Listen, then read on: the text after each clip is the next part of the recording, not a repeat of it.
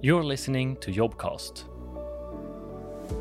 My name is Patrick Gamble and I'm the animation director here at Liquid Swords. Outside of work, I am a father. I dedicate my life to my family, which is the most important thing in my life. And but besides that, you know, I like to play video games, a bit of sport, a lot of walking, and just being in nature a bit as well. So there are a few things I quite enjoy. At the moment, uh, we don't have an animation team. At the moment, it's only myself, but everyone is pitching in. Uh, everyone's really helping out with pieces that it's it's like a puzzle that everyone has to pitch in, and you know people are fitting in different pieces, and um, it's coming along. I must say, it is coming along, even though it's it is myself kind of having an overall view of it. Um, everyone does their part for sure. To build the animation setup at the moment, it's been difficult, I will say. It has been difficult. But the support that I've gotten from the rest of the team, I've never felt like I've been on my own. I've never felt that, okay, you're doing animation, that that's it. And we're doing something else. It's always been anything that I've asked for, I've, I've gotten help in.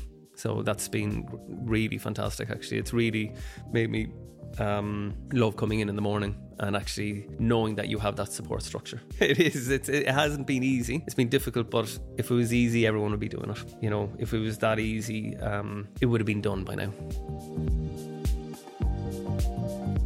Working with animation here at Liquid Swords is similar in some regard to other companies, but it's a little bit more hands on. That if you do see something that is broken or out of place, that you can go and fix it. You don't have to ask for permission. You can say, okay, I want to fix that. As long as it's within the style of the game, then, you know, absolutely go ahead and fix it. I think to be a good fit for the team, someone that's thoughtful, think someone that thinks of others. You don't have to be an extrovert to be on the team, but you definitely need to be able to collaborate with other people.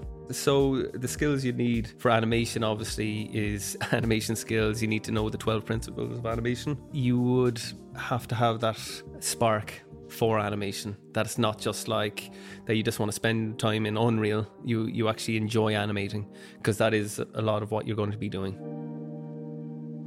I think you should apply if you want to learn, first of all. I think that if you come here, you will grow a lot. And I think there's so many people here that will help you grow in whatever area that you want to. And you'll be given that freedom and that space to grow as well.